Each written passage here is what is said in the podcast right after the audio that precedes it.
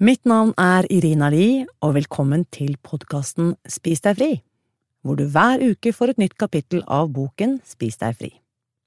Hvis du vil høre hele boken med en gang, finner du den overalt hvor lydbøker selges, eller på nettsiden spisdegfri.no.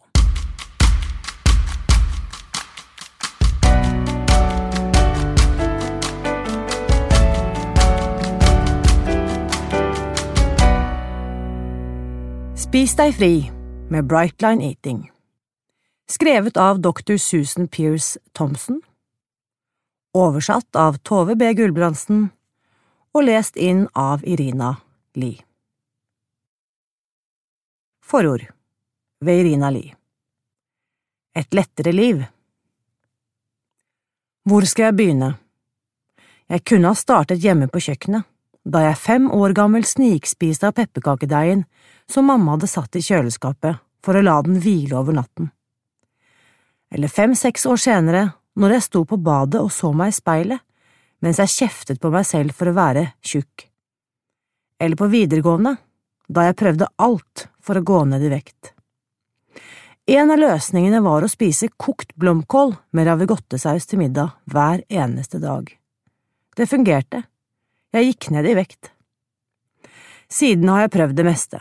Slankepulver, kostholdskurs, 5-2-dietten, knekkebrødkur, trening, piller, raw food, detox, meditasjon, skritteller, tarmskylling. You name it, jeg har testet det.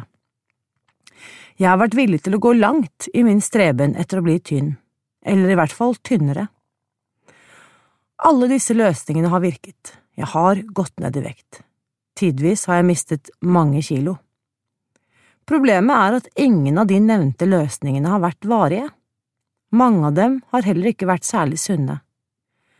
Etter perioder med vekttap og jubelscene på badevekten har jeg med stor glede vinket farvel til det ekstreme regimet, og blitt like skuffet hver eneste gang når resultatene viste seg å være midlertidige. I snitt holdt jeg matchvekten i et kvarters tid. Idet jeg var ferdig med dietten, kom kiloene krypende tilbake igjen, gang på gang. Jeg har ikke tall på hvor mange ganger jeg har gått opp og ned 10 og 20 kilo. Det er mange. Sammenlagt har jeg sikkert gått ned over 100 kilo, bare for å legge på meg alt igjen, om ikke mer. Ifølge BMI-skalaen norske helsemyndigheter opererer med, har jeg tilhørt kategorien overvektig mesteparten av livet. I perioder har vekten kvalifisert til fedme. Sannheten er at jeg i voksen alder aldri, jeg gjentar aldri, har vært i kategorien normalvektig. Smak på den. En som aldri har slitt med vekten, eller som aldri har kjent kombinasjonen av skam, håpløshet og desperasjon på kroppen, vil trolig ha vansker med å forstå hvordan dette føles. Jeg lover deg, du ønsker ikke å oppleve det. Det er et sort hull som sluker livsglede og energi, mens dårlig selvfølelse og negative tanker får fritt spillerom. For hvorfor skal det være så vanskelig når alle vet hva som skal til for å lykkes? Slik ekspertene har fortalt oss i flere generasjoner. Spis mindre og beveg deg mer. Da står spørsmålene i kø. Hva er det som er galt med meg, siden jeg ikke får det til?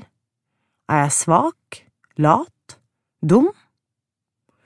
Og når løsningen tilsynelatende er så enkel, hvorfor er det da så få som lykkes med vektnedgang? Uansett om de prøver seg på egen hånd eller får tett oppfølging av helsepersonell og personlig trener. Siden tidlig tenårene har jeg pisket meg selv for å være mislykket, siden jeg ikke har klart å ta meg sammen. For jeg har jo hele tiden visst hva jeg måtte gjøre, spise mindre og bevege meg mer. Jeg var fanget i denne sannheten altfor lenge. Å løpe halvmaraton er løsningen, tenkte jeg for et par år siden, og begynte å trene for alvor. Jeg fant en ny kostholdsveileder og startet et nytt treningsprogram. I juni 2015 fullførte jeg Midnight Sun Marathon i Tromsø. Det var et kick. Mest stolt var jeg over å ha gått ned i vekt i løpet av prosessen. Gjennom sommeren fortsatte jeg å trene, mange og lange økter, mil etter mil. Tre måneder senere gjennomførte jeg Copenhagen Half Marathon. Der satte jeg en ny pers. Svett og stolt la jeg ut et skrytebilde på Facebook, noen kilo lettere enn året før, og trolig i mitt livs beste form. Det var i september 2015. Da jeg kom hjem fra København, la jeg meg på sofaen for å slappe av. Det hadde jeg virkelig fortjent, etter nesten ett år med disiplinert trening. Der ble jeg liggende. Det gikk som det måtte gå. Et par uker senere klarte jeg ikke å kneppe igjen de mørke buksene jeg hadde kjøpt på Filippa K den sommeren. Jeg var det amerikanerne så nådeløst kaller fit but fat. Jeg begynte nesten å grine, og jeg orket ikke tanken på å løpe resten av livet. Hva skulle jeg gjøre? Da september var på det mørkeste, dukket opp en video med Susan Pierce Thompson på Facebook-siden min. Jeg hadde aldri hørt om henne, aldri hørt om Bright Line Eating, aldri hørt noen si at trening er den vanligste feilen folk gjør når de forsøker å gå ned i vekt. Hæ? Hva var det jeg nettopp hadde hørt? Hva var dette? Og hvem var Susan? Min interesse var tent. Med Mac-en i fanget ble jeg sittende i sofaen og se på alle foredrag jeg kunne finne med denne ukjente psykologiprofessoren fra USA. Den kvelden visste jeg ikke at mitt liv aldri ville bli det samme igjen, men jeg hadde en følelse av at dette var stort. Bright Line Eating skilte seg umiddelbart ut fra alt annet jeg hadde prøvd og hørt om. For første gang fikk jeg en vitenskapelig forklaring på hvorfor mine utallige forsøk var dømt til å mislykkes, og hvorfor jeg ikke klarte å gå ned i vekt selv om jeg visste hva jeg måtte gjøre for å få det til. Susan forklarte meg hvorfor strategier med moderasjon og trening ikke fungerer for folk flest. Hennes teori appellerte umiddelbart. Forklaringen ligger i hjernen. Det vil Susan fortelle deg alt om i denne boken. Jeg meldte meg på Susans interaktive nettkurs, en såkalt bootcamp, så snart jeg fikk muligheten. Den 8. oktober 2015 ble min første dag i programmet. La meg spole raskt fremover for å gi deg et innblikk i hva Bright Line Eating har betydd for meg og hvorfor jeg velger å gi ut denne boken i Norge. Siden det var vektnedgang som var min fremste motivasjon for å gå i gang, var jeg veldig fornøyd med at resultatene kom umiddelbart. Fra første uke gikk vekten nedover. I løpet av et halvt år var jeg kvitt all min overvekt. I løpet av 200 dager gikk jeg ned 20 kilo, og i april 2016 nådde jeg min ønskevekt. Det plasserte meg for første gang midt i kategorien normalvektig. Enda viktigere, for første gang i mitt liv visste jeg at jeg hadde funnet noe som ville vare resten av livet. Jeg vil tippe at du lurer på hvordan jeg kan være så overbevist. Svaret er at Susan ikke bare har vist meg hva jeg må spise, men også forklart hvordan og hvorfor jeg må gjøre det. Ved hjelp av kognitive teknikker har jeg klart å etablere nye og automatiserte vaner rundt mat og måltider, som gjør det uanstrengt å velge riktig. Én dag om gangen. Da jeg fylte 40 år den 13. mars 2016, tok jeg et valg. Jeg ville fortelle min historie, offentlig. I et innlegg på Facebook fortalte jeg for første gang om mine utfordringer knyttet til overvekt. Det utløste et hav av henvendelser. Én ting var bølgene av tomler, hjerter, smilefjes og kommentarer. Det var bare en liten krusning sammenlignet med strømmen av telefoner, mailer og SMS-er fra folk i dagene og ukene som fulgte. Noen ville takke for åpenheten, andre var nysgjerrig på mer info, og mange, mange tok kontakt for å be om hjelp. Gjennom de siste årene har hundrevis av mennesker tatt kontakt, etter å ha lest om meg i sosiale medier og gjennom reportasjer i Aftenposten, VG, NRK, TV 2, Norsk Ukeblad, Hjemmet og Tara. Mange av dem har nådd sin ønskevekt for første gang i sitt liv. Andre melder at de har fått bedre helse. Enda flere rapporterer om livsglede, pågangsmot og selvtillit. Flere av disse kvinnene deler sine historier i denne boken. Jeg sier bare les. Deres beretninger vitner om hvor lammende overvekt og sviktende helse oppleves fra innsiden. Det er ikke bare snakk om følelser. For flere har det vært en kamp for å overleve. Susan skriver mye om hvor mye energi og tankekraft som frigjøres når vi slutter å bekymre oss for mat, vekt og helse. Selv har jeg valgt å bruke store deler av dette overskuddet til å spre budskapet om bright line eating og spis deg fri. Mitt ønske er at hver eneste person som trenger denne løsningen, skal få mulighet til å vite om den. Min visjon er å endre Helse-Norge. Intet mindre. Denne boken er en del av det arbeidet. Her vil du få all den kunnskap du trenger for å lykkes. I tillegg har jeg en livesending på Facebook-siden Spis deg fri hver onsdag klokken 13, hvor jeg svarer på spørsmål fra seerne. Hver uke sender jeg også ut et nyhetsbrev og blogger på nettsiden www.spisdegfri.no for å bidra til at alle som søker etter informasjon, skal få svar uten kostnad. For noen er ikke kunnskap nok, de trenger mer støtte i prosessen. Det er her Susans nettkurs kommer inn.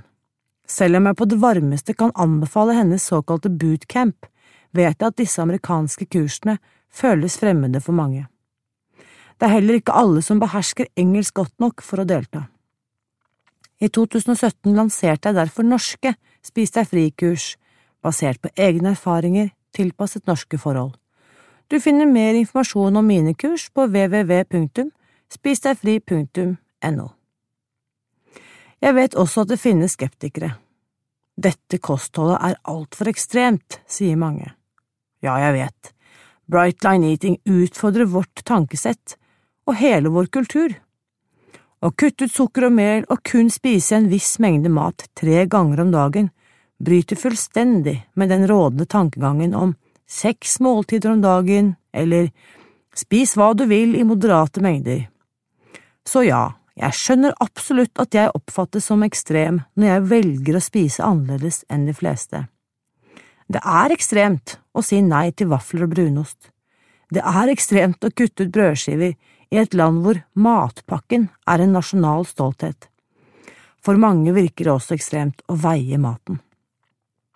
Samtidig lurer jeg på, å småspise mat og matlignende substanser nærmest fra jeg våkner til jeg går og legger meg, er ikke det ekstremt? Eller å bruke store deler av min våkne tid på å bekymre meg for vekten, eller å begynne på en ny slankekur hver tredje måned, eller å svinge 10–15 kilo i vekt hver sesong og ha garderoben fylt av klær i tre ulike størrelser, fordi jeg aldri vet hva som passer om et halvt år. Eller å løpe flere mil og trene timevis hver uke i kampen mot kiloene, eller la være å oppsøke sosiale situasjoner eller unngå oppmerksomhet av frykt for hva andre måtte tenke om kroppen min, eller søke isolasjon fordi jeg føler meg mislykket og skamfull. Og videre, å spise tre porsjoner pasta og likevel føle meg sulten, eller å stappe i meg restene i barnas matbokser når de kom hjem fra skolen, for å hindre total blodsukkerkrasj og sinneutbrudd en time før middag.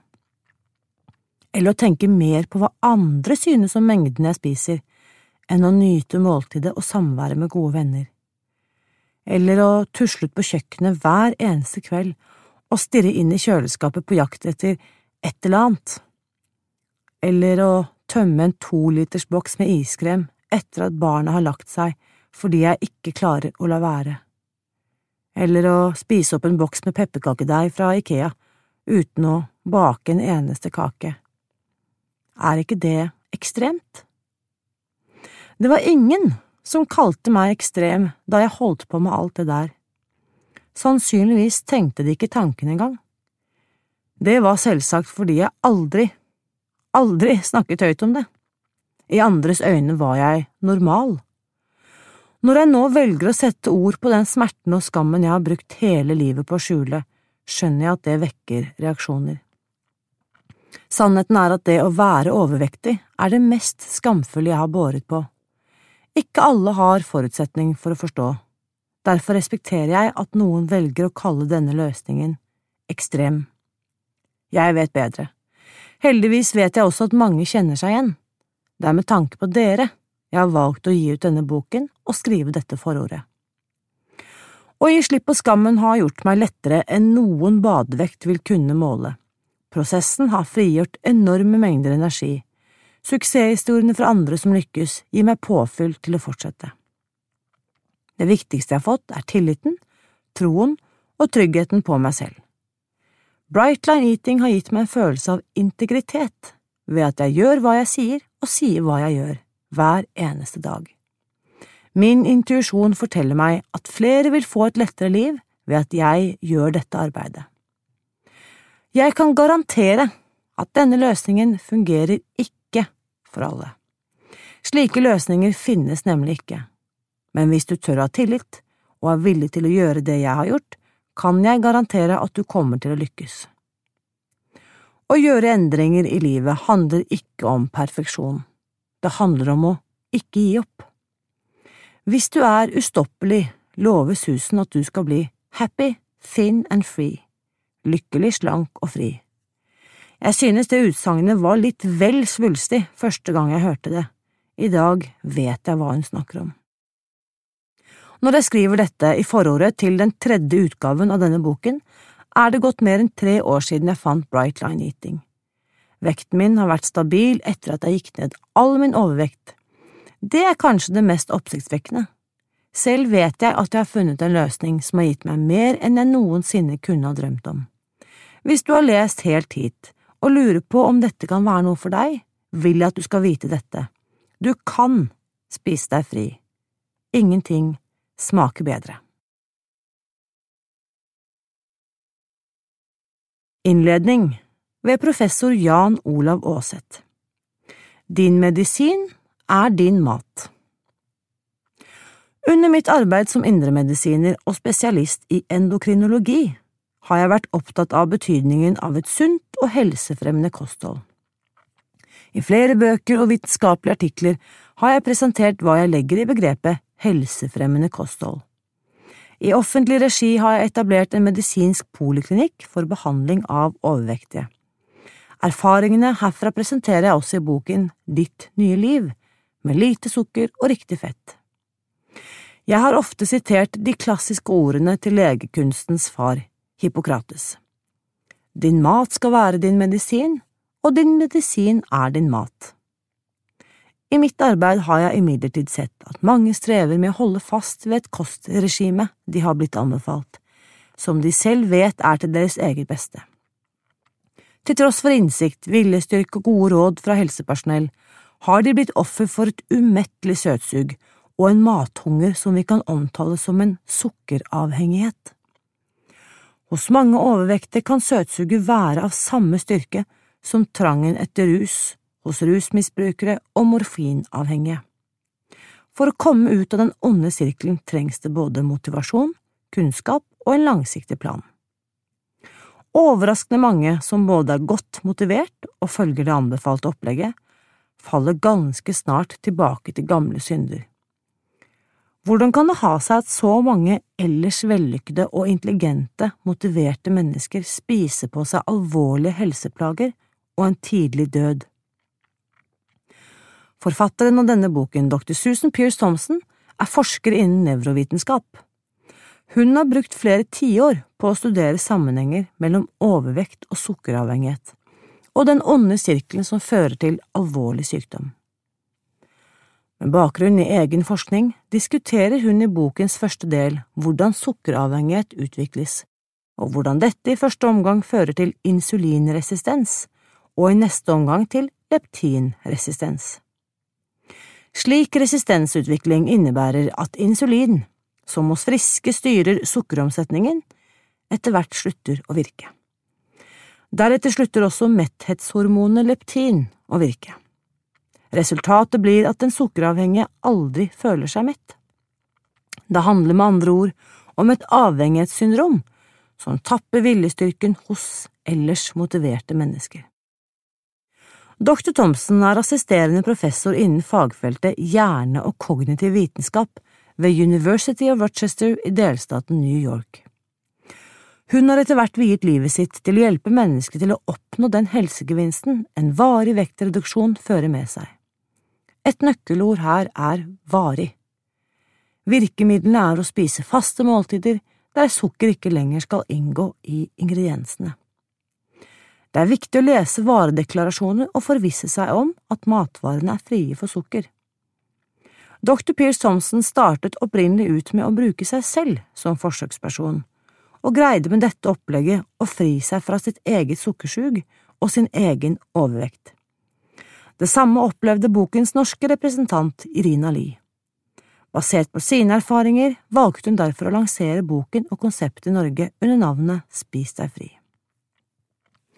Mange ulike vektreduksjonsprogrammer har vært lansert, særlig i USA. Mange eksperter har hevdet at redusert fettinntak er løsningen, og en lang rekke matvarer reklamerer med at innholdet er fettfattig. Low fat-mat selges bokstavelig som varmt hvetebrød. Likevel griper overvektsepidemien stadig mer om seg. Slankeklubber kan telle kalorier og lykkes med en midlertidig vektreduksjon, men sluttresultatet er praktisk talt alltid at vekten går opp igjen, ofte til et høyere nivå enn før start for både et lavt fettinntak og sukkerforbindelsene i hvetebrødet kan fungere som appetittvekkere. Det er imidlertid oppløftende at det utvalg av overvektige som har fulgt konseptet til dr. Thomsen i USA, har oppnådd gode og langvarige resultater. Selv om dr. Thomsen kan vise til gode resultater hos motiverte overvektige amerikanere, er det ikke uten videre innlysende at samme program kan overføres uforandret og med samme suksess til Norge. I første fase er det sikkert viktig å bryte spiralen av hormonforstyrrelser og søtsug ved hjelp av faste måltider og sukkerfri mat. Det understrekes at det er mer enn nok sukker i frukt og grønt. Likevel, etter en tid med streng sukkeravvenning og når insulinresistensen og leptinforstyrrelsen har sluppet taket, er det også viktig å velge riktig fettsammensetning i kosten. Signalsubstansene i hjernen og andre organer er også avhengig av de riktige proteinene, vitaminene og mineralene. For noen ganske få kan overvektskirurgi bli den eneste løsningen, men slik kirurgi blir aldri løsningen for det store flertall av overvektige.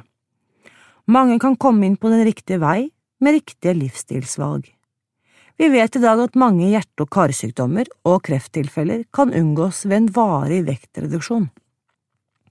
De mennesker som lykkes med vektreduksjon, vil oppleve å bli mer til stede i livet sitt og mer hjemme i sin egen kropp.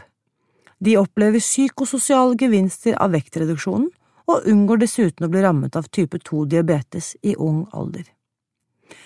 Det knytter seg forhåpninger til at Spis deg fri-konseptet skal gi like gode resultater i Norge som i USA. Det er prisverdig og modig av Irina Lie å introdusere et slikt program i vår befolkning. Jeg har tro på at hun og hennes team vil lykkes med å oppnå positive resultater, men dette vil jeg derfor sende mine beste ønsker med på veien. Forfatterens innledning ved Susan Pierce Thompson Overvektsepidemien Ikke et problem, et mysterium, med en enkel løsning. Noe har gått galt.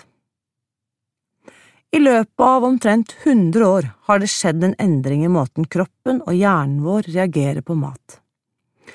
Følgen er at vi som art stadig blir fetere og verken utdanning eller opplysning ser ut til å hjelpe. Statistikken er akkurat nå så nedslående som du antar. Rundt regnet to milliarder mennesker i verden er nå overvektige, og 600 millioner av dem er sykelig overvektige. I USA alene er 108 millioner amerikanere på slankediett. Det tallet skriver seg fra The US Weight Loss and Diet Control Market, som fører statistikk over personer som aktivt bruker penger på diettprodukter og tjenester. De regner ikke med alle dem som forsøker å spise mindre eller bli sunnere på egen hånd. Det er heller ikke noe som bare gjelder amerikanske forhold. Overvekt er nå et større problem i utviklingsland enn matmangel.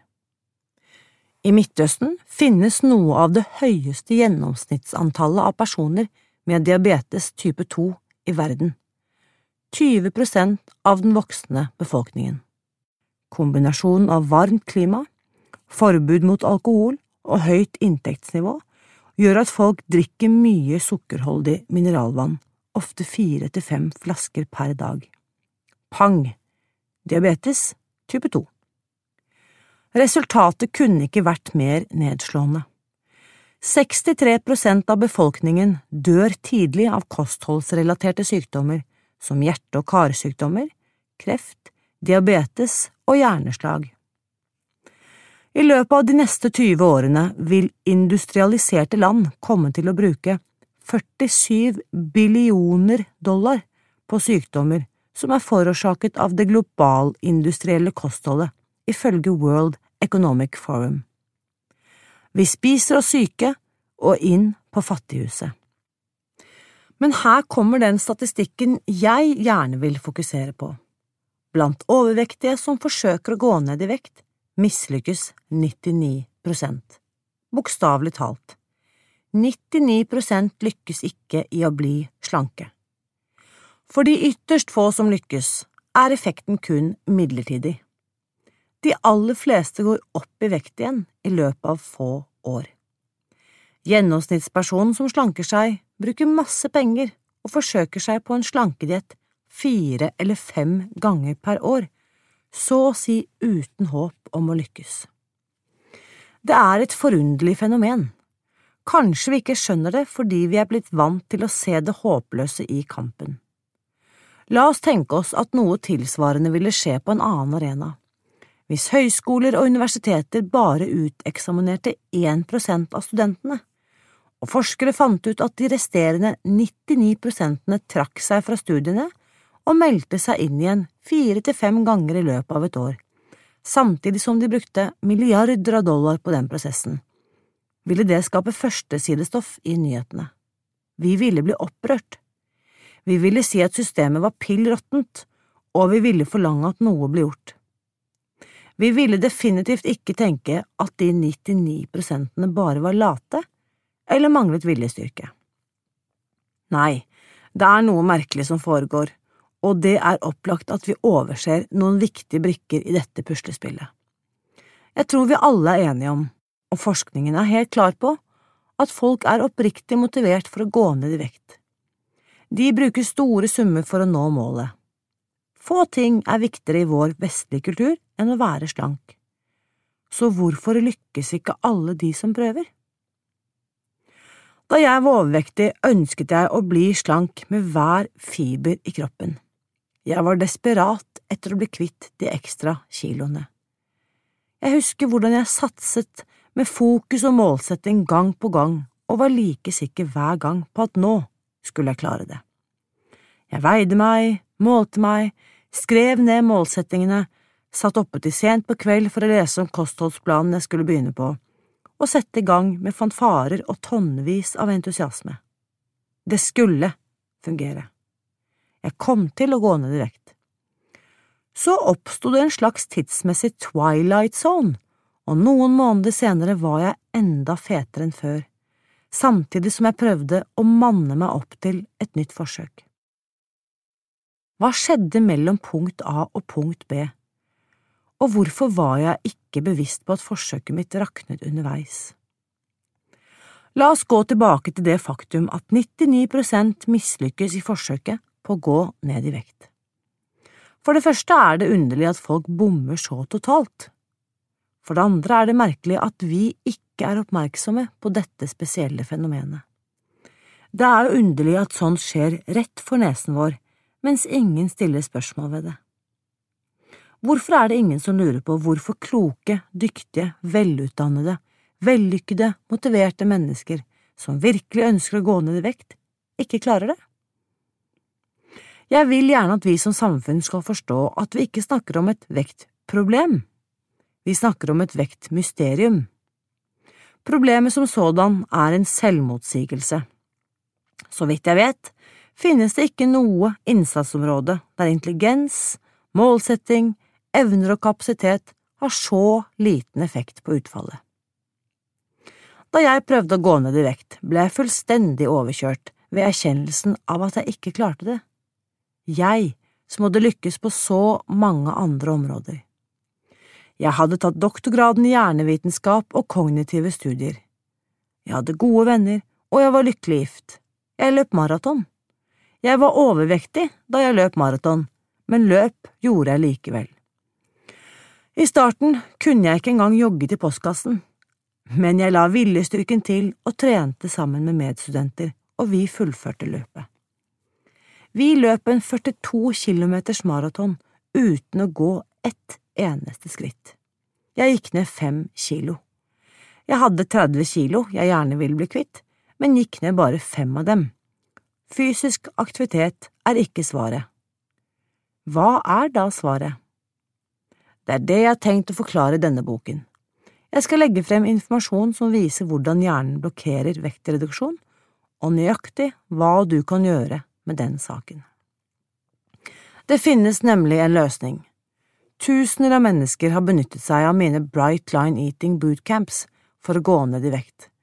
Så langt med totalt vekttap på rundt 150 000 kilo. Og antallet deltakere som har kvittet seg med alle sine overflødige kilo, og som fortsatt holder de tapte kiloene unna, stiger stadig. Jeg snakker her om folk som i hele sitt voksne liv har slitt med ekstrem overvekt, og som nå er slanke noe de aldri har sett for seg at de skulle klare å oppnå. Bright Line Eating ga dem håpet tilbake. Metoden holdt det den lovet, den løste mysteriet. Jeg skrev denne boken fordi jeg vil at alle skal ha tilgang til den løsningen. Det som finnes av informasjon på disse boksidene, er helt avgjørende for å endre vår kulturelle oppfatning av hva overvekt er. Ikke et resultat av manglende viljestyrke og ikke et tegn på manglende moral, men snarere en bivirkning av vårt moderne kostholds kapring av hjernen vår. Fremfor alt vil jeg vise deg en løsning som faktisk fungerer. Det er ikke snakk om seks småmåltider per dag, ikke om fridager og heller ikke om mye mosjon. Jeg vil fortelle deg om bright lines, klare grenser, om automatikk og støtte. Bright lines representerer klart definerte, utvetydige grenser som du rett og slett ikke må krysse, på samme måte som en ikke-røyker bare ikke røyker. De virker fordi de er lagt opp på linje med den måten hjernen vår virker. Ingen skulle behøve å leve med en kropp som ikke gir glede. Ingen skulle behøve å bruke et eneste minutt på å kjenne seg som taper ved at tradisjonelle slankekurer som virker stikk i strid med hjernekjemien vår, ikke fungerer. Hvis du er i ferd med å gi opp forsøkene på å gå ned i vekt fordi du er lei av å prøve stadig nye metoder uten å lykkes, hvis du på grunn av helsen trenger å ta nye grep om vekten, eller om du bare har noen få kilo til overs og gjerne vil bli kvitt dem for godt, da har jeg gode nyheter til deg. Du kan lære hvorfor hjernen har forhindret forsøkene dine på å gå ned i vekt, og hvordan du kan ta i bruk noen enkle kjøreregler som kommer til å snu opp ned på denne situasjonen én gang for alle. Du trenger ikke lenger gå deg bort i et villnis av forvirrende og selvmotsigende oppskrifter på hvordan du skal spise, eller legge deg på sofaen og fortsette å spise til langt utpå kvelden, vel vitende om at det kan komme til å forkorte livet ditt eller kjenne på at overvekt hindrer deg i å leve det livet du drømmer om, eller i å fremstå som den personen du ønsker å være. Gjør deg klar til å ta tilbake kontrollen over hjernen din og leve livet på en måte som du aldri har gjort før. Lykkelig, slank og fri. Introduksjon Susans historie La meg fortelle deg en historie litt fargerik i kantene her og der, men i bunn og grunn representativ for de vanligste plagene som millioner av mennesker opplever når de sliter med overvekt, er hektet på mat og er desperate etter å finne en løsning. Etter alt det jeg har gjennomgått, kan jeg si én ting. Jeg har en hjerne som er sterkt preget av avhengighet. På et eller annet tidspunkt har jeg vært på avhengighetskarusellen med så å si hvert eneste rusmiddel som finnes på kloden, og ingenting, jeg understreker ingenting, er vanskeligere å bli uavhengig av enn mat.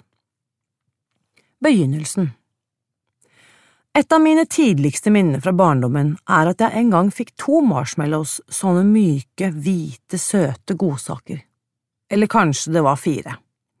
Foreldrene mine, to svorne hippietyper, var nylig blitt skilt og skrapte sammen nok til å leve av i San Francisco. Han som taxisjåfør, hun i en liten butikk på Fisherman's Wharf, der hun solgte importerte alpakkagensere og tepper som de hadde oppdaget på sine motorsykkelturer rundt i Sør-Amerika. Begge jobbet lange dager for å forsørge meg, spesielt om sommeren når butikken holdt åpent til klokken ni på kvelden.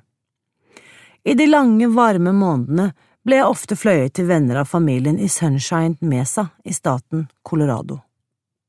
Jeg elsket hestene, dammene og fortet oppe i åssiden. Jeg elsket oppmerksomheten fra mine foreldres venner, som ikke hadde fått egne barn ennå, men mest av alt elsket jeg marshmallows. Jeg kan huske følelsen av å holde dem i hånden, mel i stuften og kveldssolen som fikk dem til å gløde i de utstrakte små hendene mine. Snart skjønte jeg at de bodde i kjøkkenskapet. Når de voksne var ute og ga dyrene mat, kunne jeg trekke en stol bort til kjøkkenbenken, klatre opp og forsyne meg i hemmelighet. Det er min første erindring av å føle meg hensatt til å spise mer enn de voksne rundt meg ville godkjenne, og begynnelsen på en lang reise som gikk ut på å skjule og snike meg til og stjele mat. Når de åpent tilbød meg noe, godt, tok jeg villig imot. På dager da det skulle gjøres innkjøp, var jeg rask til å tilby meg å være med, sto og hang i varmen mens de kjøpte dyrefôr og visste at før eller senere kom vi til å stoppe innom en butikk som solgte godteri. En dag vi var i byen, fikk jeg en advarende finger opp i fjeset av en voksen som sa Pass deg, lille frøken, du er sukkeravhengig. Jeg visste ikke helt hva det betød, men på en eller annen måte skjønte jeg at det var sant. Da jeg ble litt eldre, ble jeg nøkkelbarn. Et nøkkelbarn som kunne lage mat. I åtteårsalderen hadde jeg klart å lage festmiddag helt på egen hånd, med alle retter servert varme ved bordet på riktig tidspunkt. På mors side av familien var det flere gourmetkokker. Bestemor Polly var venninne med Julia Child, og hun og min onkel Heff pleide å diskutere La Russe gastronomique over et glass vin i middagsselskap, og videre hvorvidt det var tillatt å bruke vanlig løk istedenfor sjalottløk i en nødsituasjon. Jeg var stolt over at jeg aldri spiste noe fra pose eller kartong, jeg lagde mat fra grunnen av. Men det som startet som gleden ved å bake og bruke tid på kjøkkenet med mammaen min, førte allerede i niårsalderen til et lidenskapelig behov for å spise rå kakedeig. Jeg kunne komme hjem fra skolen og lage en hel kakedeig uten noen som helst plan om å steke den. Jeg bare satt på gulvet foran TV-en med bollen på fanget og spiste til jeg følte meg syk, og skyndte meg å rydde opp før mammaen min kom hjem. Mammaen min var mindre interessert i fine matretter, hun var mer opptatt av helsekost. Hun elsket astrologi, yoga og ai ching-spådommer, og under hennes innflytelse vokste jeg opp med ernæringsfilosofien til Adele Davies og Nathan Pritikin. Første gang vi faktisk bestemte oss for å følge Pritikin-dietten, var jeg omtrent ti år. Ingen av oss trengte å gå ned i vekt på det tidspunktet, det gjaldt bare å spise mest mulig sunt. Jeg husker at jeg kjente meg styrket og oppglødd, men kan ikke huske at det varte særlig lenge. Omtrent på den tiden opplevde jeg min første depresjonsperiode. Jeg var tilbake i Sunshine Mesa, men i motsetning til tidligere somre trivdes jeg ikke. Jeg hadde ikke lyst til å plukke kirsebær, fange gresshopper i en krukke eller noe av det andre jeg hadde hatt stor glede av. Det eneste jeg ville, var å sove. Alle rundt meg mente at jeg hadde hjemlengsel, men lange og pinefulle telefonsamtaler med mammaen min hjalp ikke. Vi trakk alle sammen et lettelsens sukk da sommeren var over og jeg kunne fly hjem igjen til San Francisco. Da jeg var tolv år, bestemte jeg meg for å kutte ut sukker. Jeg husker at jeg var oppglødd over den beslutningen og tenkte nøye gjennom hva jeg skulle regne som sukker. Kunne jeg spise honning, lønnesirup, yoghurt med tilsatt frukt? Jeg satte en streng grense og slo fast at hvis noe overhodet smakte søtt, ville jeg ikke spise det. Når jeg nå ser tilbake, skjønner jeg at det var min første bright line min første klare grense. Den holdt seg tindrende klar i over to måneder, og det viktigste jeg husker fra den tiden, er at jeg følte meg helt topp, fullstendig uovervinnelig. Og så en dag ble jeg overrumplet av en glinsende, fristende søtsak. Jeg diskuterte med meg selv og fant ut at jeg hadde vært karakterfast lenge nok, jeg spiste den, dermed endte det sukkerfrie eksperimentet. Ett år etterpå kom det et nytt element inn i bildet – puberteten. Med den kom misnøyen med kroppen. På et vis hadde jeg kommet frem til 13-årsalderen uten å ofre noen særlig oppmerksomhet rundt kroppsvekten eller figuren min, men det forandret seg med puberteten. Jeg hadde bare sju–åtte kilo for mye, men de kiloene satt rundt livet, og ved siden av den lille, spede mammaen min følte jeg meg kjempestor men fra da av ble alle forsøk på å slanke meg hindret av depresjon og en følelse av isolasjon. På skolen skilte jeg meg ut ved å score høyt på IQ-tester, på linje med dem som var dobbelt så gamle som meg, samtidig som jeg falt utenfor sosialt. Jeg følte meg isolert og utstøtt. Maten ble min følgesvenn, min oppmuntring og ofte min eneste venn.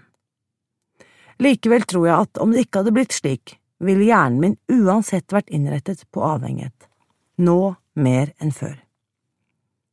En nedadgående spiral. Dopaminreseptorene mine var programmert til større tilskudd enn jeg kunne få gjennom maten. Midt i min utforskning av tenåringstilværelsen fant jeg frem til det eneste matinntaket som virkelig fungerte – rusmidler. Da jeg var 14 år, tilbød en venn meg sopp under en konsert på sommerleir. Mot bedre vitende prøvde jeg rusmiddelet. Vi utforsket parken og kjørte rundt helt til solen sto opp. Aldri hadde jeg følt meg så fri, så i ett med universet, så ubesværet i omgang med andre mennesker. Jeg stupte i seng, og da jeg våknet 20 timer senere, tuslet jeg over ganger og gikk på badevekten. Jeg hadde gått ned tre og en halv kilo. Min verden la seg på skrå rundt aksen sin. Jeg var hektet. I løpet av de neste seks årene tok livet mitt form av en gradvis nedadgående spiral. De utmerkede karakterene mine fra barneskolen tjente til min fordel. Med minimal innsats og heller dårlig fremmøte klarte jeg å opprettholde et 4,0-snitt. Når foreldrene mine konfronterte meg med mine sene nattetimer eller penger som forsvant fra bestemors lommebok, parerte jeg ganske enkelt med at jeg hadde fine karakterer, livet mitt var greit, alt var bra. Jeg hadde det ikke bra. Alt det nye jeg ble tilbudt, vil jeg ha mer av. Syre, ecstasy, sigaretter, alkohol, sex. Det var aldri noe som het nok og når dealeren ikke svarte på personsøkeren, når det ikke var penger nok til nikotin, når det ikke fantes noe forfalsket ID-kort for å få kjøpt alkohol, var det alltids en stor bolle pasta eller kakedeig som kunne ta brodden av behovet. Vekten fortsatte å plage meg. Om høsten det siste året på videregående, da jeg egentlig skulle ha kjemitime, traff jeg en fyr som spilte pool midt på dagen. Vi ble sammen, og innen uken var omme, hadde han tilbudt meg min første dose metamfetamin. Da var det gjort, jeg hadde funnet løsningen. Plutselig kunne jeg gå dager uten å bli sulten. I tillegg til at jeg ikke kjente sult, hadde jeg null interesse for mat. Og endelig ble jeg slank. Det var magisk. Riktignok var jeg slank, men bra hadde jeg det definitivt ikke. Rådgiveren min så meg drive bort fra fremtiden min, bort fra håpet jeg bar på. Han hentet meg ut fra klassen en dag og insisterte på at jeg skulle fylle ut noen skjemaer for et studium ved Berkeley-universitetet, et lærested i toppsjiktet, men også det nærmeste lokale studiestedet for meg. På grunn av de høye testscorene mine ville jeg automatisk bli opptatt som student om høsten, bare jeg fullførte videregående og tok et kurs ved Berkeley i løpet av våren. På det tidspunktet, da han skjøv papirene opp i fjeset mitt, fnyste jeg ved tanken på at jeg kunne komme til å trenge dem. Fortsatt holdt jeg fast på at Harvard var framtiden for meg, og ante ikke hvor langt misbruket var i ferd med å fjerne meg fra den retningen. I tilbakeblikk kan jeg bare si gudskjelov og takk. Tilværelsen var raskt i ferd med å gå i stå, jeg klarte knapt å stå opp av sengen for å komme meg på skolen lenger. Men om jeg droppet ut av skolen, kunne jeg bare glemme å bli antatt ved Berkeley. Dermed fant jeg et smutthull. Jeg kunne ta en prøve for å vise at jeg var kvalifisert. Det gjorde jeg mens jeg gikk på syre, og sto. På et eller annet vis klarte jeg å karre meg over til Berkeley og stå på opptaksprøvekurset også, grunnkurs i sosiologi. Dermed la jeg inn en liten åpning i døren til fremtiden, samtidig som jeg løp i motsatt retning. Jeg fant ut at alle problemene mine var Amerikas feil, så jeg flyttet til Canada. Til det kan jeg bare si til mitt 18-årige jeg, ok da. På plussiden kan jeg legge til at fraværet fra mitt amerikanske samfunn satte meg i stand til å kutte ut metamfetamin. Men hold igjen applausen. Jeg var fortsatt på ingen måte edruelig, og i løpet av de neste kalde, mørke månedene holdt jeg meg innendørs og la på meg 20 kilo. Ved å røyke sigaretter og spise. Ja, bare hør, musli. Jeg røykte kartong på kartong med sigaretter og spiste boks etter boks med musli. Omsider skjønte jeg at jeg hadde gjort en feil og flyttet tilbake til California. På det tidspunkt hadde moren min solgt den lite innbringende butikken sin og flyttet til San José. Jeg flyttet inn hos henne og forsøkte å samle sammen de bitene av livet mitt som kunne føre meg videre i en slags retning. Så skrev jeg meg inn ved høyskolen i San José og fikk meg jobb på en kino der jeg solgte popkorn. Kinosjefen tilbød kokain etter arbeidstiden, og jeg ville gjerne prøve det. Jeg visste det var farlig, men tenkte at siden jeg hadde klart å kutte ut metamfetamin, kunne jeg sikkert håndtere det nye rusmiddelet. I løpet av få uker avanserte jeg til å røyke crack. Vekten raste nedover. Jeg følte meg som meg selv igjen, og jeg forlot moren min i San José i den hensikt å få meg en festsommer i gode, gamle San Francisco. Deretter ble det bare verre. Etter hvert som jeg sank dypere og dypere ned i underverdenens avgrunn, la jeg meg til vaner akkurat sånn som du kan tenke deg en uansvarlig 19 år gammel jente kunne finne på. Sove på gaten klarte jeg å unngå, men etter å ha utnyttet alles velvilje maksimalt var jeg hjemløs. Alle rundt meg brukte rusmidler, eller brukte meg, og jeg hadde brutt med alle dem som faktisk var glad i meg. Kort tid etter at jeg fylte 20, på en tirsdagsmorgen i august, nådde jeg omsider bunnen. Jeg befant meg i et skittent hotell i et slumområde på South Van Avenue. Der hadde jeg oppholdt meg i flere dager mens jeg røykte crack. I et klart og helt avgjørende øyeblikk fikk jeg en visjon av hva livet mitt var blitt til. Det sto i grell kontrast til barndomsdrømmen min om en Ivy League-utdannelse og en karriere som kunne føre til noe positivt for verden. Plutselig ble det klart for meg at om jeg ikke kom meg opp og ut derfra på flyende flekken, ville jeg aldri nå lenger enn der jeg befant meg akkurat da. Jeg grep jakken min og gikk ut av døren. Jeg oppsøkte leiligheten til en venn som velvillig slapp meg inn for å sove og dusje.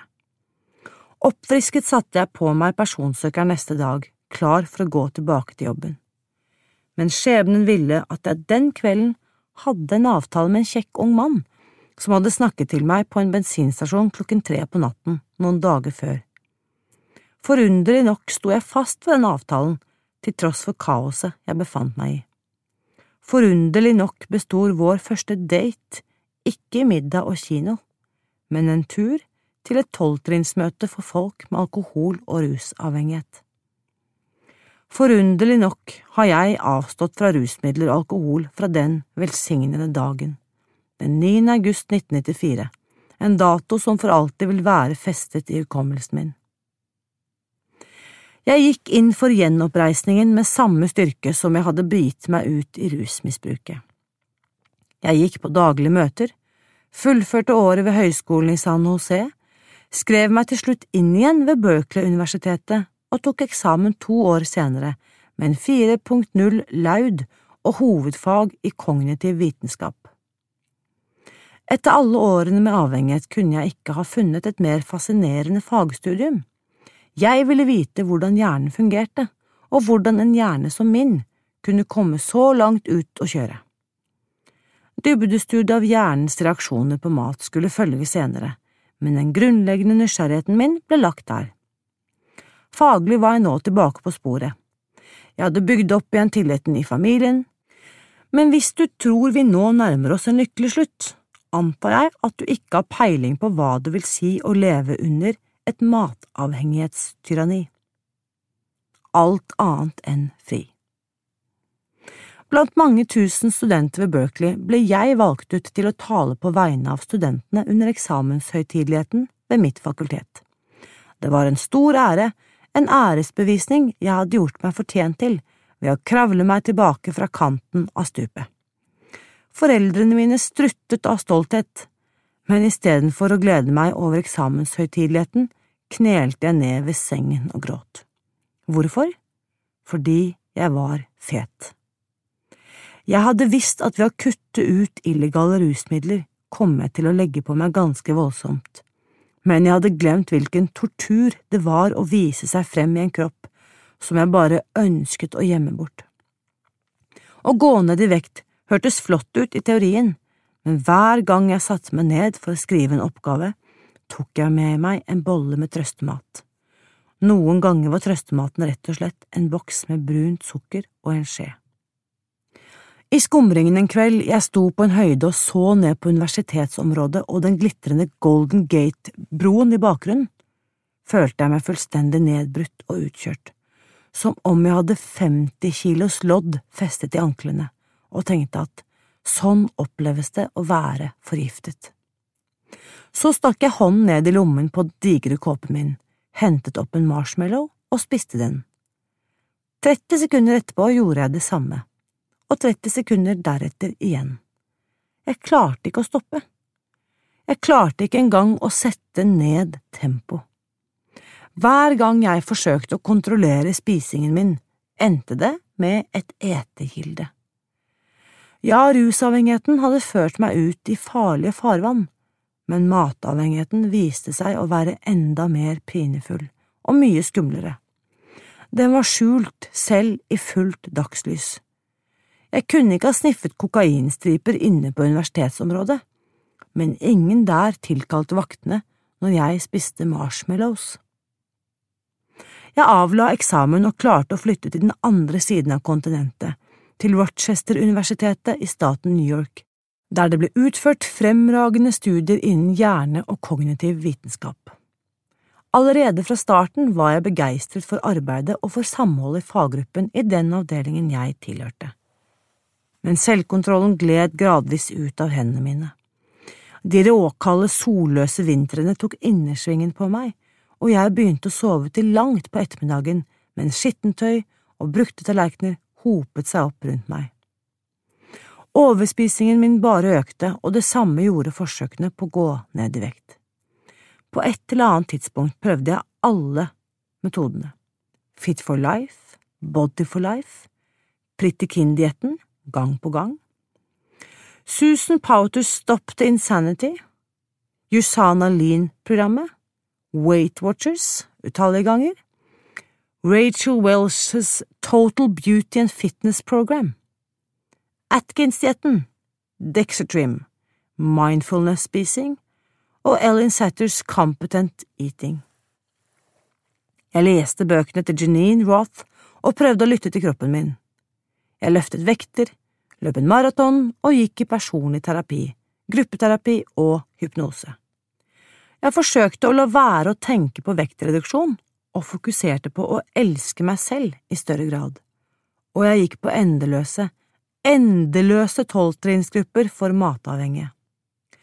Noen ganger marsjerte jeg ut i søppelkassen for å kaste matfristelsene, og dynket dem med eddik for å unngå å bli fristet til å hente dem inn igjen senere.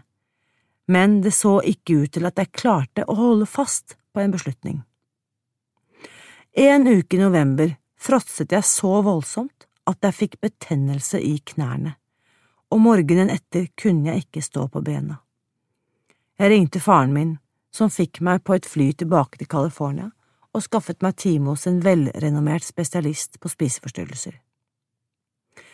Hun forklarte vennlig og mildt at de vanligste signalene hjernen sender for å stoppe overspising, ikke virket i mitt tilfelle, at hjernen min var skrudd sammen på en annen måte.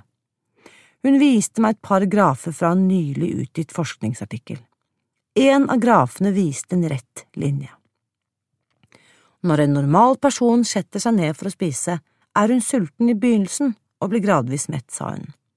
Så pekte hun på en annen graf, som viste en uformet kurve, og sa, Når du setter deg ned for å spise et måltid, er du først sulten, så blir du gradvis mettere, men så, midtveis i måltidet, begynner du å bli sulten igjen, slik at ved slutten av måltidet er du like sulten som da du begynte. Det hørtes helt riktig ut for meg. Jeg følte det som om jeg aldri ble mett. Da timen var slutt, sendte hun med meg en resept på en svært høy dose av et antidepressivt middel, som hun hevdet også ville hjelpe meg mot overspisingen min. Det gjorde det ikke. Derfor la jeg opp min egen form for behandling, en som jeg visste ville virke – bulimi. Ett år senere traff jeg mannen min, David. Han aksepterte og støttet meg uten forbehold, noen ganger med større overbevisning enn jeg hadde på at jeg ville klare å overvinne problemet. Vi giftet oss, kjøpte et lite hus like ved universitetsområdet og forente hans hund og mine tre katter til én stor familie. Men snart oppdaget vi at når vi som nygifte hadde lagt oss for vane å spise på restaurant stadig vekk, økte livlinjen for oss begge. Min aller mest. Jeg visste det ikke da, men offisielt hadde jeg krysset en usynlig, men avgjørende grense. Jeg var sykelig overvektig. Vi inngikk en bikinikroppavtale. Vi så hverandre inn i øynene og sverget på at vi ville engasjere oss 100% og fullføre tolvukersprogrammet sammen. Planen var basert på et seks dagers opplegg med fastsatte måltider og mosjon. Søndag var fridag, da kunne du spise hva du ville. Vi fulgte opplegget nøye, og på få uker var David tilbake til den slanke og veltrente formen han hadde hatt da vi møttes. Jeg for min del holdt på å bli sprø. På fridagen, da David kunne spise en burger, en porsjon pommes frites og en liten skål med iskrem, akkurat nok til å krysse av i nytelsesboksen før nytt møte med det stramme mandagsopplegget, spiste jeg alt som ikke var spikret fast til bordet. Resten av uken var besettelsen overdøvende. På onsdag skal vi ha venner på besøk til middag, og jeg vil gjerne lage noe skikkelig godt. Derfor tror jeg at jeg skal overføre halve fridagen min til onsdag. Men når søndagen kommer og jeg ikke klarer å slutte å spise etter en halv dag, kommer jeg til å gå i baret. Jeg kan eh, trimme litt mer og bli kvitt de ekstra kaloriene, så går det vel bra. Hvis jeg ikke får for liten tid til både å trimme og å dra rundt til de forskjellige restaurantene og butikkene jeg må oppsøke for å få tak i all den maten jeg trenger å spise, før fridagen min er over ved midnatt. Og hvis fridagen min er slutt, og jeg har glemt å spise noe jeg absolutt vil ha, må jeg vente en hel uke, så da er det best at… og så videre, og så videre, og så videre. Meningen var at jeg skulle konsentrere meg om avhandlingen min, men det var bare én radiostasjon som hørtes inne i hodet mitt, og det var kanalen Alltid mat. Noe ved det å sjonglere mellom seks dager med kontroll og det jeg gjorde med kroppen min på søndager, satte meg mentalt helt ut av spill. Planen fungerte ikke for meg, jeg måtte gi den opp. Ikke bare var jeg sykelig skuffet over meg selv, men jeg følte at jeg hadde sviktet David også. Jeg hadde brutt løftet mitt. Det ble klart for oss begge at jeg var maktesløs overfor mitt eget forhold til mat. Men jeg hadde også fått et første hint. Noe hadde festet seg i forskerdelen av hjernen min. Hvorfor fungerte fridagen for David, mens den slo meg fullstendig ut? Akkurat hvordan og hvilken grad var vi forskjellige? Jeg visste ikke svaret ennå, men jeg hadde omsider stilt det riktige spørsmålet. Bright lines, de klare grensene. Jeg hadde gått på tolvtrinnsmøte for folk med spiseforstyrrelser siden høsten 1995 og selv om gruppen hadde bidratt sterkt til at jeg følte meg mindre alene, hjalp de meg ikke til å ha det bedre. Nå var vi kommet til 2003, og jeg var stadig like fortvilet. For det første var kostholdet overlatt helt og holdent til meg selv, så naturligvis var jeg fortsatt hektet på sukker og mel.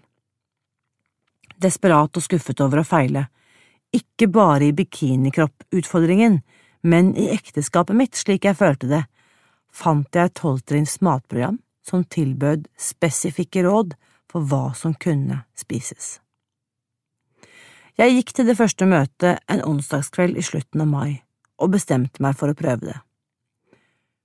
Under over alle undre. Det virket! I løpet av noen få korte måneder hadde jeg fått en slank figur, gikk med lette skritt og kjente gleden sprenge i brystet. Endelig var jeg fri. Jeg var sikker på at jeg hadde funnet svaret på verdens overvektsproblem, og jobbet hardt for å spre nyheten. Men over tid begynte jeg å lure på om dette programmet var løsningen for den store massen. For det første ble jeg fortalt at programmet burde startes opp før man fikk familie. For det andre opptok møtene, telefonsamtalene og plikttjenestene, alt sammen en del av programmet, mer enn 20 timer per uke. Og endelig var det noen springende punkter og en mangel på vitenskapelig dokumentasjon ved mange av kravene og ernæringsreglene.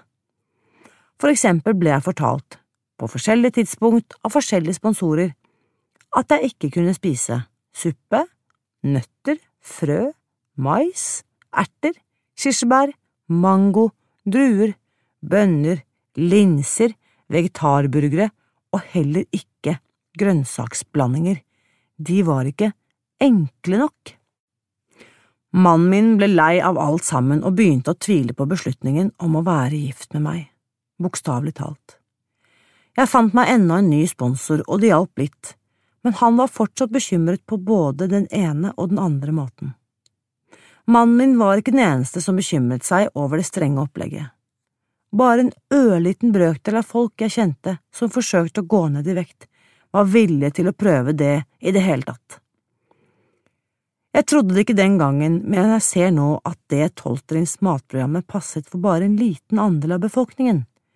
Likevel er jeg evig takknemlig for det programmet. Det ga meg akkurat det jeg trengte på det tidspunktet, mandatet til ikke å spise sukker eller mel. Aldri. Da jeg endelig var koblet av sukker og mel, brukte hjernen min likevel måneder på å heles igjen. Skaden på dopaminreseptorene mine var så omfattende at de ikke kunne settes i funksjon igjen uten videre. Det skjedde ikke spontant, men gradvis begynte verden å fortone seg som normal igjen. Som ved et mirakel var depresjonen som hadde plaget meg i perioder helt fra barndommen, forsvunnet helt og jeg kunne kutte ut antidepressiva for godt. Jeg var slank, jeg var edru, jeg kunne tenke normalt, jeg kunne fungere. Jeg fullførte doktorgradsavhandlingen min, vi flyttet til Australia, der jeg hadde skaffet meg toårig postdoktorat for forskning og undervisning i psykologi ved Universitetet i New South Wales. Da det var over, flyttet vi tilbake til Amerika, og jeg ble ansatt som professor i psykologi. Et kurs i spising innen psykologi var det første jeg ga meg i kast med. Igjen vendte jeg til spørsmålet jeg hadde stilt den gangen da jeg måtte gi opp bikinikropputfordringen. Hvordan kunne det ha seg at min hjerne reagerte så forskjellig fra Davids når det dreide seg om det å spise uten en fast måltidsstruktur? Nå fordypet jeg meg i forskning innen nevrologi og psykologi i spørsmålet om bærekraftig vektreduksjon. Samtidig begynte jeg å jobbe med enkeltmennesker, én til én, for å hjelpe dem å gå ned i vekt og opprettholde den nye vekten. Personlig overlevde jeg uten den krykken som overspising er, gjennom en periode med fruktbarhetsbehandling, en ekstremt prematur tvillingfødsel, et nytt og overraskende svangerskap og alle de opp- og nedturer som livet ellers kan by på. Så et stort hopp frem i tid til en kald januarmorgen. Klokka fem den morgenen var jeg som vanlig i gang med min daglige meditasjon. Mens jeg satt i stillhet på meditasjonsbenken, dukket opp et stort og klart budskap i mitt indre. Skriv boken Bright Line Eating. Kunnskapen jeg hadde opparbeidet meg, kunne kommet mange til nytte, og det var viktig å dele den med andre. Denne kunnskapen kunne bidra til å endre vårt kulturelle vektreduksjonsmønster, fra moderasjon og kontroll til et prinsipp basert på bright lines, noen klart definerte grenser og frihet. Jeg hadde vært gjennom helvete. Etter alle årene med min egen smerte, og etter å ha sett tusener av mennesker prøve og feile på forskjellige typer dietter gjennom mer enn 20 år, visste jeg hva som ikke virket, og hvorfor. Jeg visste hva som faktisk virket, og hvorfor. Og jeg var så heldig at jeg hadde den forskningsfaglige bakgrunnen som gjorde det mulig for meg å trekke streken mellom alle prikkene. Jeg kunne forklare problemet fra et vitenskapelig ståsted. Jeg vet jo at det finnes millioner av mennesker i verden som sliter med overvekt og dårlig helse, og som ber en bønn om hjelp. I min stille stund den morgenen kjente jeg på vibrasjonene av deres bønner og behov. Løsningen måtte gjøres allment kjent. Problemet var bare at min tilværelse allerede var fylt opp. Etter en daglig morgenmeditasjon klokken fem tilbrakte jeg rundt halvannen time telefon, i et kvarters samtale med hver enkelt av det store antallet personer som trengte veiledning for å gå ned i vekt. Så måtte David og jeg hjelpe de tre småbarna våre med å gjøre seg klare for barnehagen og skolen. Deretter dro jeg på jobb for å undervise på universitetet og veilede studentene. Men denne boken kjente jeg at jeg måtte skrive. Allerede neste morgen begynte jeg å stå opp en drøy halvtime før morgenmeditasjonen for å få tid til å skrive. Jeg var ivrig og kom godt i gang, men ettersom ukene gikk, fant jeg ut at om boken skulle kunne nå ut, måtte jeg først bygge opp en plattform. Å få tid til å starte en podkast eller dra på foredragsrunder så jeg ingen mulighet for. Den eneste plattformen jeg kunne se for meg i min tilværelse, var et informasjonsbrev via e-post. Jeg satte meg fore å skrive en e-post én gang eller to i uken for å hjelpe folk å forstå hva bærekraftig vektreduksjon innebar, med utgangspunkt i forskningen innen psykologi og nevrologi. Det satte jeg i gang med. Den 5. august det året lanserte jeg nyhetsbrevet. Innen året var omme, hadde det blitt 800 abonnenter. Seks måneder senere var det blitt 10 000, etter enda seks måneder var det 100 000, og etter ytterligere seks måneder var det blitt 200 000. Kort fortalt vokste abonnementslisten fra ingenting til over 200 000 på under to år, noe som er helt ekstraordinært. Og etter hvert som gruppens deltakere vokste, økte også behovene. Jeg begynte å tilby det jeg kalte en bootcamp. Den første bootcampen hadde 40 deltakere. Jeg foreleste via gruppevideosamtaler om kveldene, etter å ha puttet de tre små døtrene våre i seng, og satte karakterer på studentenes skriftlige oppgaver. Snart vokste bootcamp-bestillingene til flere tusen deltakere, og jeg startet opp et komplett nettbasert videokurs for innføring i metoden. Det ble klart at jeg ikke kunne fortsette som professor og møte behovene fra denne voksne bevegelsen. Hva skulle jeg gjøre? Jeg hadde sett for meg tilværelsen som professor til jeg skulle gå av med pensjon. Men Bright Line Eating-metoden var til hjelp for så mange. Den eliminerte så mye lidelse. Kravet om å la bevegelsen vokse kunne ikke ignoreres lenger, så jeg leverte inn min avskjedssøknad og kastet meg ut i det helt og fullt. Jeg ansatte en gruppe folk, og sammen startet vi et forskningsprogram for å følge opp resultatene vi fikk i bootcamp-kursene. Basert på svarene derfra vet vi at deltakerne i gjennomsnitt går ned 10,5 kilo. Mange går ned mye mer, og fortsetter helt til de oppnår ønskevekten sin. Idet denne boken nærmet seg utgivelse, hadde vi hjulpet folk fra minst 75 nasjoner å gå ned mer enn 150 000 kilo. Vi tror at Bright Line Eating er det mest vellykkede slankeprogrammet i verden, og vi samler data som støtter den påstanden. I sammenheng med innhenting av statistiske data og i lys av suksessen med Bright Line Eating-metoden fikk jeg en ny utfordring. Jeg ble invitert til å bli førsteamanuensis i hjerne- og kognitiv vitenskap ved Rochester-universitetet, der jeg hadde tatt doktorgraden min. Vi holder nå på å utvikle et ambisiøst forskningsprogram som skisseres i kapittel 15 bak i boken. Helt nylig satte forskningsgruppen og jeg oss et mål som vi kaller Everest-målet. Det er stort og meget ambisiøst, men jeg tror vi når det. Innen 2040 eller tidligere skal vi kunne hjelpe én million mennesker å komme ned på idealvekten sin og holde seg der for godt. Én million enkeltpersoner som endelig kan leve livet som lykkelige, slanke og frie mennesker. Det har vært et kjempekjør, men i bunn og grunn er saken ganske enkel. Våre dagers kosthold programmerer hjernen vår til å jobbe mot oss, men vi kan omprogrammere den til å jobbe for oss. Vi er ikke svake, vi er ikke dumme, vi er ganske enkelt fanget i et kjemisk hamsterhjul og har ikke fått tak i verktøyene til å komme oss ut av det, ikke før nå. I del én av denne boken skal jeg forklare deg på vitenskapelig basis hva du trenger å vite for å forstå hvordan hjernen blokkerer vektreduksjonen du prøver å oppnå. Det amerikanskinspirerte kostholdet vi kjenner i vestlige land, setter hormonene og signalstoffene våre ut av funksjon og lar oss bli overmannet av umettelig sult eller et overveldende begjær etter visse typer mat. Samtidig som vi blir sårbare for noe jeg vil kalle the will power gap, viljestyrkefellen. I del to skal du få vite hvordan Bright Line Eating-metoden løser problemene ved bokstavelig talt å omprogrammere hjernen til å jobbe med målene du har satt deg, istedenfor mot dem. Du får vite om de fire grensene som kommer til å forandre livet ditt, og avslutte slankekarusellen din én gang for alle. Mel, sukker, måltider og mengder.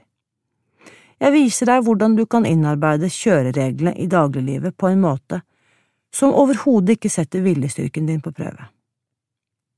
I del tre får du kostholdsplanen som Bright Line Eating-konseptet baserer seg på. Det gir stor variasjon i kosten, for jeg vil at det skal være mest mulig smertefritt å gå ned i vekt. Det lar seg også enkelt tilpasse til det kostholdet du vanligvis følger, enten du er vegetarianer, veganer, paleotilhenger, glutenintolerant, har et spesielt helseproblem eller bør unngå visse næringsstoffer kommer Bright Line Eating-konseptet garantert til å gjøre jobben for deg. Del fire og fem gir deg verktøyene som setter deg i stand til å kvitte deg med de ekstra kiloene for godt, og som skiller Bright Line Eating-metoden fra alle andre slankemetoder. Vi sier ikke bare hva du skal gjøre, og overlater til deg å klare å følge opp over tid.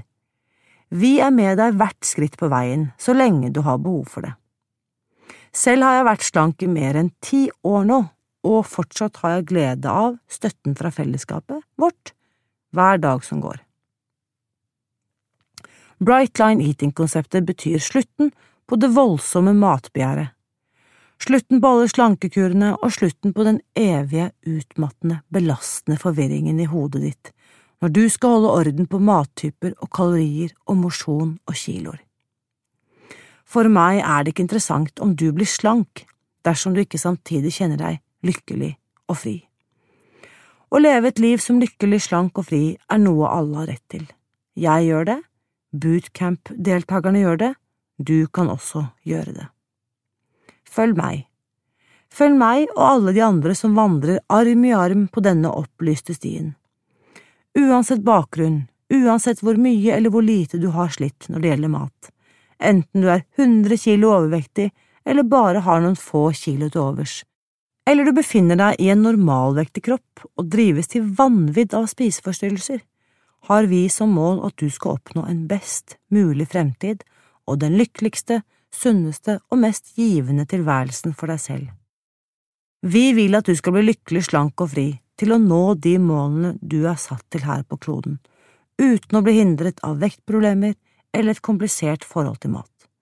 Du har mye å gi, et formål å oppfylle, og vi vil at du skal leve livet til fulle. Hvis jeg kan klare å fri meg fra byrden, kan hvem som helst klare det. Jeg er ikke i tvil, du klarer det. Derfor, takk for at jeg fikk fortelle min historie. Nå kan du feste sikkerhetsbeltet, for Bright Line Eating-metoden kommer til å forandre livet ditt. Med kjærlig hilsen Susan. Har du noen spørsmål etter dagens episode? Da vil jeg invitere deg til å bli med på min faste livesending på Facebook-siden Spis deg fri, onsdag klokken ett, hvor du kan få svar på direkten.